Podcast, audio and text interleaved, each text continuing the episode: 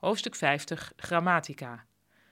Het is soms frustrerend hoe relatief gemakkelijk Engels is, hoeveel die taal op de onze lijkt. Duits ook. En zelfs Frans. Als ik een Franse film kijk, kan ik er onuitstaanbaar veel van begrijpen. Het Japans is totaal anders. Het heeft niets met westerse talen te maken. Goed, het Japans heeft vrij veel Engelse leenwoorden, maar die worden meestal zo Japans uitgesproken dat je er nog niets aan hebt.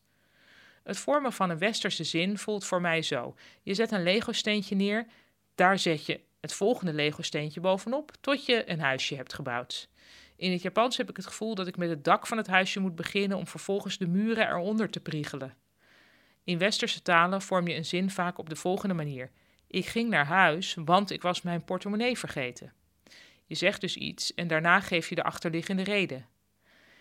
In het Japans gaat het meestal de andere kant op. Ik was mijn portemonnee vergeten en dus ging ik naar huis.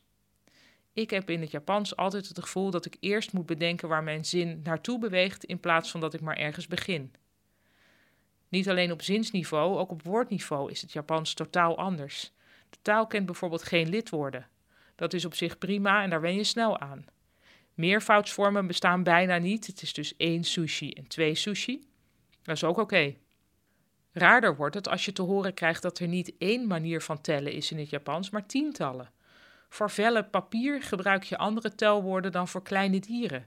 Er zijn aparte telwoorden voor kleine ronde dingen, voor groot vee, voor mensen, voor platte dingen, langwerpige dingen, glazen met drank erin. Je moet woorden dus idealiter meteen leren met hun telwoord erbij. Ik doe dat niet en accepteer dat ik hier altijd fouten mee zal maken. Wat ik het moeilijkst kan begrijpen is dit. In westerse talen vervoegen we voor de verleden tijd het werkwoord. Dus zo, hè? het eten is lekker, het eten was lekker. In het Japans kan dat ook. Maar als er een bijvoeglijk naamwoord in de zin staat, dan vervoeg je dat naar de verleden tijd in plaats van het werkwoord. Je zegt dus min of meer: het eten is vroeger lekker.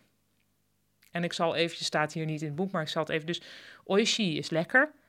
Um, en dan als je oishi in de verleden tijd wil zeggen, dan uh, wordt het uh, oishikata. Het zit zo in mijn hersenen gegrift dat het de werkwoorden zijn die met de tijd meebewegen, dat ik het onacceptabel vind dat de bijvoeglijke naamwoorden zich ineens met het verleden gaan bemoeien.